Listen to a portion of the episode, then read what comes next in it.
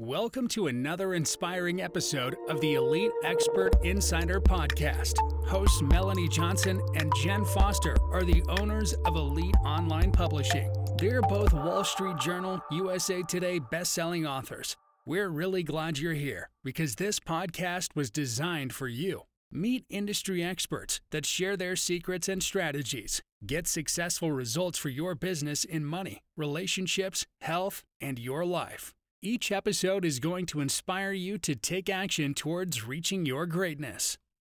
Hey everyone, it's Melanie Johnson. Thanks for joining our podcast today. We have a super show today. It's something for everybody. Everyone should be listening to the show today. Make sure you subscribe if you haven't already and leave us a message and share the podcast with someone else you think could get something out of it. So today we are talking food. Who doesn't love food? We're eating all the time. But you know, you have to have these tendencies. I know during COVID and we started these tendencies of ordering out and having delivery. My kids are doing it all the time. It's making me crazy. And then as a mom, I'm also at the end of the day going, I'm so tired. I don't want to cook. I didn't think about cooking tonight. And then you go to the order out thing. Or if you try and cook ahead of time, you're eating like the same thing over and over and over again.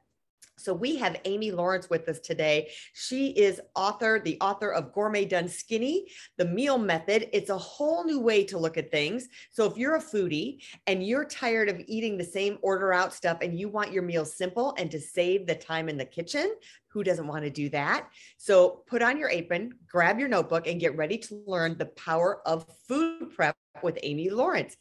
Amy, thanks for coming today. Thank you for having me. I'm so excited to be here. One of my oh, favorite things. oh my gosh, I have just embraced your philosophy ever since you came into Elite Online Publishing to publish your book. I have looked at food in an entirely different way. Tell us a little bit how you got started and what inspired you to be in the food industry. Well, I've always been a foodie. My grandmother loved to cook. My mom didn't like to cook. And I think that's what kind of spurred me on. My mom let me do whatever I wanted, and she did the dishes, and it was great. And I was originally a teacher, but I just got this bug a long time ago, and I wanted to open a restaurant, a tea room specifically. And so I opened a tea room. I loved it. It was a lot of work, definitely a lot of work. And I wasn't, I didn't know about management. I mean, there's just so many things that you learn, but it was fabulous. I did love it. And then we ended up moving to Seattle um, back in 2010, and I closed the tea room, but I ended up opening opening up a retail tea shop here in Seattle area, and I had a commercial kitchen in the back where I blended and created my own teas, and that was going fabulous. And then in 2014, I used to do Pilates, and I tore my vertebral artery, which caused a stroke, and that kind of makes you change your priorities in life um, pretty mm-hmm. quickly. So I sold the business and I wasn't sure what I was going to do, but I just knew that I needed to do something else. But I was so happy to be alive that I ate and I ate a lot and I ate like 40 pounds worth. So that was not good. and so then I joined a weight loss program, Weight Watchers actually, but I was so bored with their recipes. They were bland and uh, they just weren't flavorful. And I had created a lot of recipes with the tea room originally. I love creating recipes, but I thought I can do healthy recipes. I can do this. I can add herbs and spices. And so that's how Gourmet Done Skinny, my blog was born. So I did that for a few, well, since 2017. And then I was tired of the whole weight loss or the weight Weight Watcher thing, like tracking and points. And it's just, yeah, I just, it's just so much work. And I found this other program called Weight Loss Made Real. And I just love the founder's Cookie Rosenblum. And I just love her and I loved her program.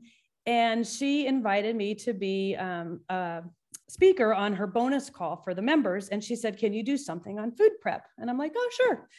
And I didn't realize at the time that I did food prep. I mean, I've been doing food prep, especially since I had the restaurant. I just didn't, I don't know, I just didn't think my method was anything special. And so I did that call for them. And oh my gosh, the reaction that I got from the audience or from the, her readers and her members they just thought my methods were like really unique. And my sister in law said, You should write a book. And I'm like, well, maybe I should. And I'd, I'd written some cookbooks before, but never like, well, I did do some resource books, but never like this.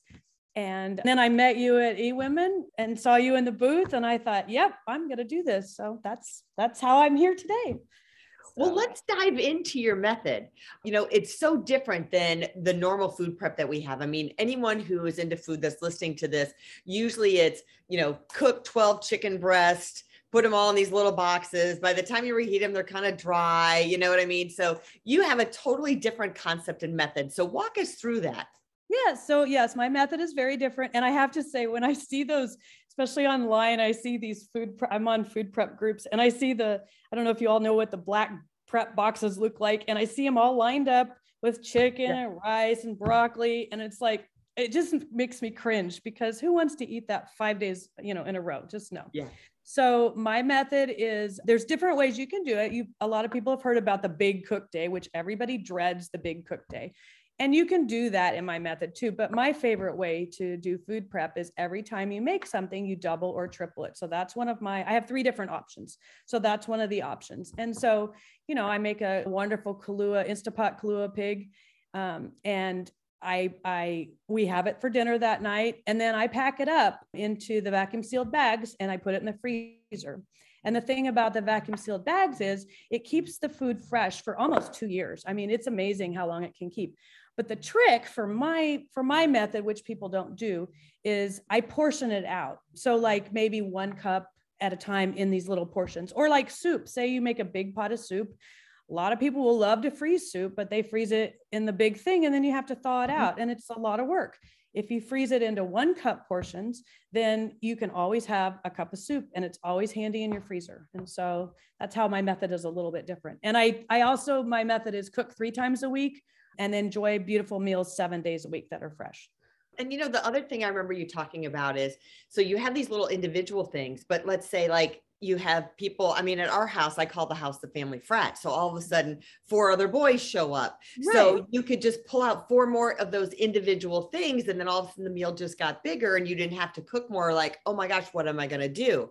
Kind right. of walk through that of how you've done that. You have some great stories about oh that. yeah so one of my stories was last it was well it happens all the time but last summer was a good example. So my mom is vegan.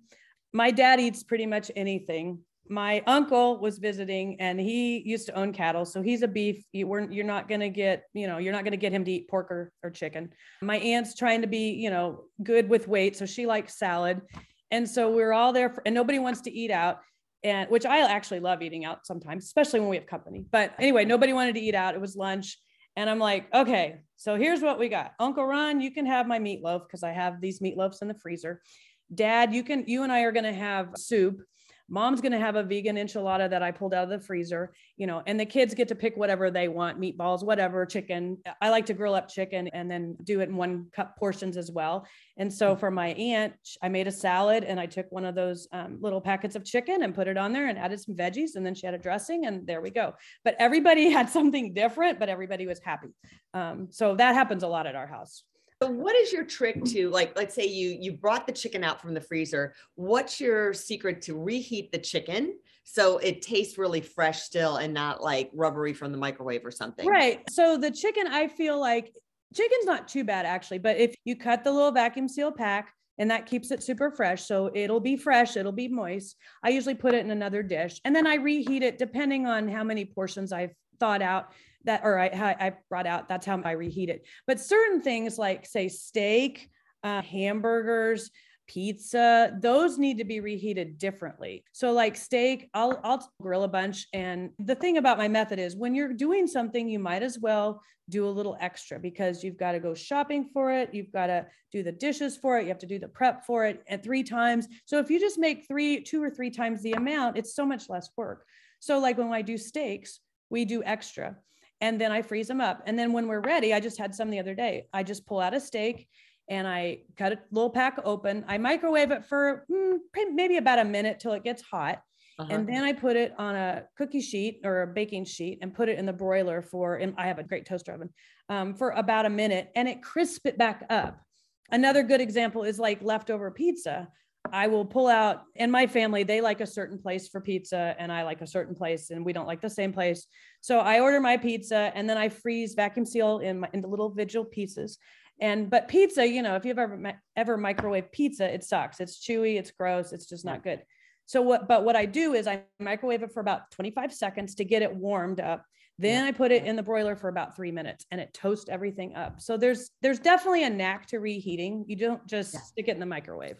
Yeah, I missed what you said about the chicken. What do you do with chicken? Because Oh, so chicken actually, I think chicken's fine in the microwave as long as it's been in the vacuum sealed bags. Now, if you don't put it in there, then it gets dry and gross. But if you've done, and the Ah. chicken that I do is I brine the chicken first, which sounds hard, but it's not. You just throw the chicken in some water and salt for at least a couple hours. I like to do it overnight because then I don't have to think about it.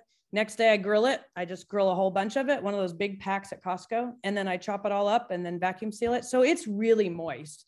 If you make chicken a different way, it could be very dry in the microwave. So it just depends on how you do So it. you do chop it up. Do you chop your steaks up before you put it in the vacuum seal, or do you? Nope, you nope. I just put those in one, just one steak in one pouch. Okay. Because I might want a steak. Or the other day I decided I was going to have nachos. So I used half a steak and chopped it up and then made little nachos with it. And when people come over, you can make nachos really quick. I mean, just pull out a little bit of steak and you've got, I always have fresh veggies in the fridge. So I can do a lot with that. Mhm. Um, but yeah, it's just super easy. Or if you say you want to have pasta, you cook your pasta, you pull out steak, chop it up into little pieces, add your veggies. I mean, you can have a meal in 20 minutes. It's not, it's not hard at all.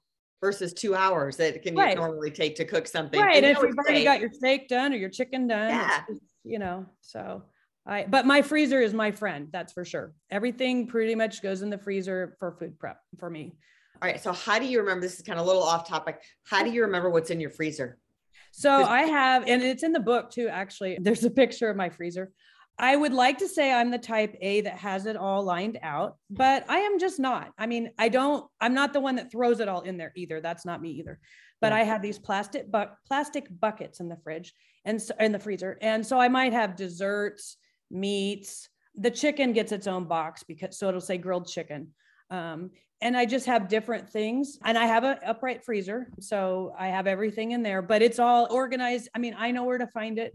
If you were digging, soup has its own bin. So you just go in there. Everybody loves it. They go in there and they pick out what soup they want. Oh, I want Mexican. Oh, I want chicken noodle. And, you know, it's just, but Oh, you think about it, you make soup once and you've got at least 10 portions there.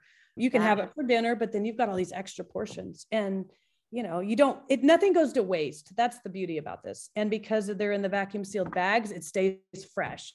If you stick in a Ziploc, it's the kiss of death. Um, it's just Really? it's freezer burned and all that. Yeah, there's a huge thing with vacuum sealed bags versus Ziplocs.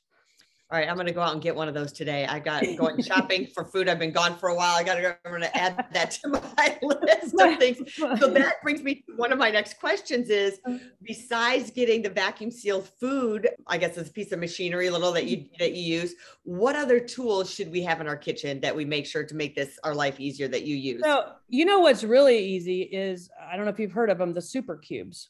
So, like when you're making soup, before I would t- take a one cup measuring scoop of soup and put it in a bag. And then you have to kind of be careful when you vacuum seal it so you don't suck the soup up into the machine. It's doable, it works. However, the super cubes, they're kind of like ice cubes, but they come in Mhm. different, or ice cube trays, and they come in different proportions. So I like the super cubes for the soup. And you fill up the soup, you fill up the super cubes with the soup, you freeze it. And then a lot of people, that's just where they leave it. But I like to make different soups. And so I wanted, I need them out of that super cube. So you thaw them out for 10 minutes and then you put them in vacuum sealed bags from there. So they're little blocks of soup. Ah. And then I have the trays are free again for me to make a new soup. So that's how I end up with so many soups in the in the freezer. Okay, so it's a two-step process. You put it into the super cubes 1st Mhm. get it frozen, and Mhm. then stick it into the um the sealer. Yeah. yeah. And if you, you know, when my method is you cook three times a week. So, you know, say you make two, like in the winter, you wouldn't do it probably in the summer, but in the winter, maybe you make soup once a week. It's pretty easy to make soup, especially if you use the Instapot. I mean, look at all that extra soup that starts building up, you know, and you don't have to worry about it going bad because it's in the vacuum sealed bags. So that's the beauty of it. My sister in law and I, we went to Idaho um, back in December and we, it was treacherous driving home lots of snow, ice. We were just like, you know, white knuckling it all the way home and we're starving, but we don't want to stop because we don't want them to close the roads. And we finally get home and she's like, well, maybe we should order pizza. I'm like, ah, pizza's going to take, you know, an hour. at least. And I'm like, no, let's have soup. And I go into the freezer and I pull out some chicken noodle. And I, I also freeze the leftover, like if you buy a nice artesian bread, like from Costco, I'll yeah. freeze that in two slices in a bag. So I pulled out a couple slices of that and we had our soup. And in 15 minutes, we had hot soup and we were full. And it was just, and it's exactly what we wanted. We were cold and just tired and hungry. And so yeah. A great story. I love that. So super cubes and the vacuum sealer. Is there any other tool? Oh, knives. Good knives are very important. I just can't cut with bad knives. I even bring them with me when I travel. And I am a huge fan of the Instapot. And I am I am one of those cooks that likes to do everything by hand, the slow method typically. Mm-hmm. But that Instapot, it keeps the meat, it makes the meat so tender and it's so quick and it's I mean, you can cook be- dry beans without soaking them. I mean, in in an less than an hour. The Instapot is a really great thing. I've never tried an Instapot. I've always had the slow cooker versus an Instapot. But I, you, from what you told me, they are way different. Entirely different. Yeah, the Instapot actually, depending on the model you have, and all models have the slow cooker feature too, which I don't even use anymore. But the slow cooker does, you know, cooks it all day. But I feel like it it kind of mutes the food. It's been stewed all day, like deprived yeah. of oxygen. Whereas the Instapot, I mean, it depends on the dishes, but like if you have chopped up chicken, less than five minutes in the Instapot will it pressurizing, it's just so much faster and easier. Wow. And the thing is, the pan you can saute in the pan, and you can also put the pan in the dishwasher. Whereas in a crock pot, you can't saute in the crock pot. You, you know, you just won't get anything brown in the crock pot. So for sure. That, that's so there's a I always think it's like you have to, I'm thinking, well, this doesn't make my life easier if I have to brown the meat first and then put it right. in the slow cooker. And then I got another pan to clean versus right. like just throw it in there. And then I've done it where I've thrown it in there, but you're right. It does not have the flavor that if you browned it and got the You need it brown because it keeps the juices in. So yes. So. Yeah. Is there a brand of Instapot that you like better than other Instapots? Um, I, you know, they have a bunch of different ones. The Instant Pot brand is my favorite. And I actually have two six quarts and an eight quart because I use it quite a bit. I use them for side dishes. Like I made potatoes last night, you know, those little tiny baby potatoes that you can get at Costco. And I just threw them in there on the rack and then put half a cup of water in there and did them for six minutes and then chopped them up and threw them in a skillet with some herbs. And we just had like basically like little fried potatoes, but we didn't use much oil. So it was, it's a lot healthier for you. If there were tips and time saving tips and tricks to set up for success. All right. So, some tips and tricks. Definitely set yourself up for success by having the right equipment. It makes all the difference. I can totally promise you that. Don't get overwhelmed with my method. When you read the book, there are three different ways to food prep. Pick which way works for you. And I suggest you cook three times a week. But if that's too much for you, then just cook once a week. And you may slowly build up your freezer, and that's okay. If you want to get into it right away and do everything and get it loaded up fast, that's fine too. But just do what's comfortable for you. Yeah, I'm inspired to. I bought one of those freezers that you have to lift up. It's not vertical, it's the horizontal freezer. Right. I'm like, okay, I can put bins in there because everything gets thrown in there and then it's disorganized. So I think one of your tricks is, you know, to be organized from the beginning because if you can't find the soup in your freezer, very true. That is very true. you know, that's frustrating. And having all that right equipment and not getting stressed with the whole thing.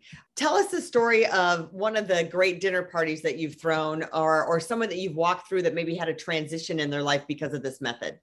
Um, well, actually, my mother is a good, good example. My mother has not liked to cook, I mean, all my life, pretty much. And she's vegan. So she's trying to cook these vegan recipes and everything. But she's starting she started to use my method maybe about a year ago. It's funny when everybody comes to visit they just see i pull out stuff and they're like they're just amazed. And so she's starting to see my method. And when i go visit her i always bring a, a big um, yeti cooler and she lives in florida. So i pack things and my dad is not vegan so i pack a lot of meat stuff in there too. But i take all this food to them and she and we fill up her freezer and everything and she sees like how great this is to have this food that you can just pull out. And i make her vegan meatballs and things like that. And so anyway so she's been starting to use this method and and she's cooking with the instapot. She used to be afraid of the instapot. Now she loves the instapot. And i'll call her up every once in a while and i'll say what are you doing? Oh i'm cooking today. And it's just i mean she's 76 and she just is having so much fun and it's just cute. And the other day when i called her up i said what are you doing? She's like oh i'm organizing my freezer. She said you left all this great food and it's just such a mess. So she got it all organized and she's like it's like a buffet in here. Your dad's going to be so excited for dinner tonight. I'm just going to pull out this barbecue sauce and I'm going to pull out this steak and we're just going to have a great little meal for him. And then I'll have my little vegetarian meatballs. And she's just, I mean, it's just so funny because for somebody who really did not like cooking, she is just loving it. It's just so funny. and embraced it. So yeah. there's so many things. This is definitely life changing. And I think it's life changing because once you start to do this, I've done it to a little bit of the degree, but now I'm going to notch it, kick it up a notch, doing what Amy says. I'm getting my freezer organized. I have some of the tools already, but I have to say it's been so rewarding and stress relief when you can pull something out of your freezer like this. So Amy, tell us where people can find you and tell us um, about your book. Yeah, so my blog is gourmetdoneskinny.com.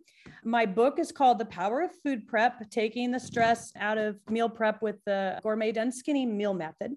And because of all of this and the book and all the excitement from everybody, I'm actually doing a membership. So once you read the book and you feel like you need a little extra help, you know, join my food prep for foodies membership and I will help walk you through it. I'll I have videos and tells you how to use the vacuum sealer with wet foods and dry foods and Instapot and all sorts of things. Plus we're going to have recipes and I'll show you how to take one recipe and create a few different recipes from it. But yes, that's where you can find me my blog for sure and then definitely the power of food prep book that's coming out very soon and she definitely makes food prep and cooking so easy and the recipes are super super delicious. So make sure you pick up that book. Thanks for joining us today. And if you'd like to become an author and a best-selling author like amy then make sure you reach out to us at elite online publishing. We guarantee all our authors will hit a number one bestseller with our marketing campaigns. So we're looking forward to hearing from you next time. Have a super great day and a great week and we'll see you soon. Thanks. Thank you Hey, are you looking to increase your revenue, build credibility, and elevate your brand? This podcast is brought to you by Elite Online Publishing, an innovative publishing and full spectrum marketing company. They will publish and market your book to make it a number one bestseller. Becoming an author is the best way to market your business. So contact them at eliteonlinepublishing.com today.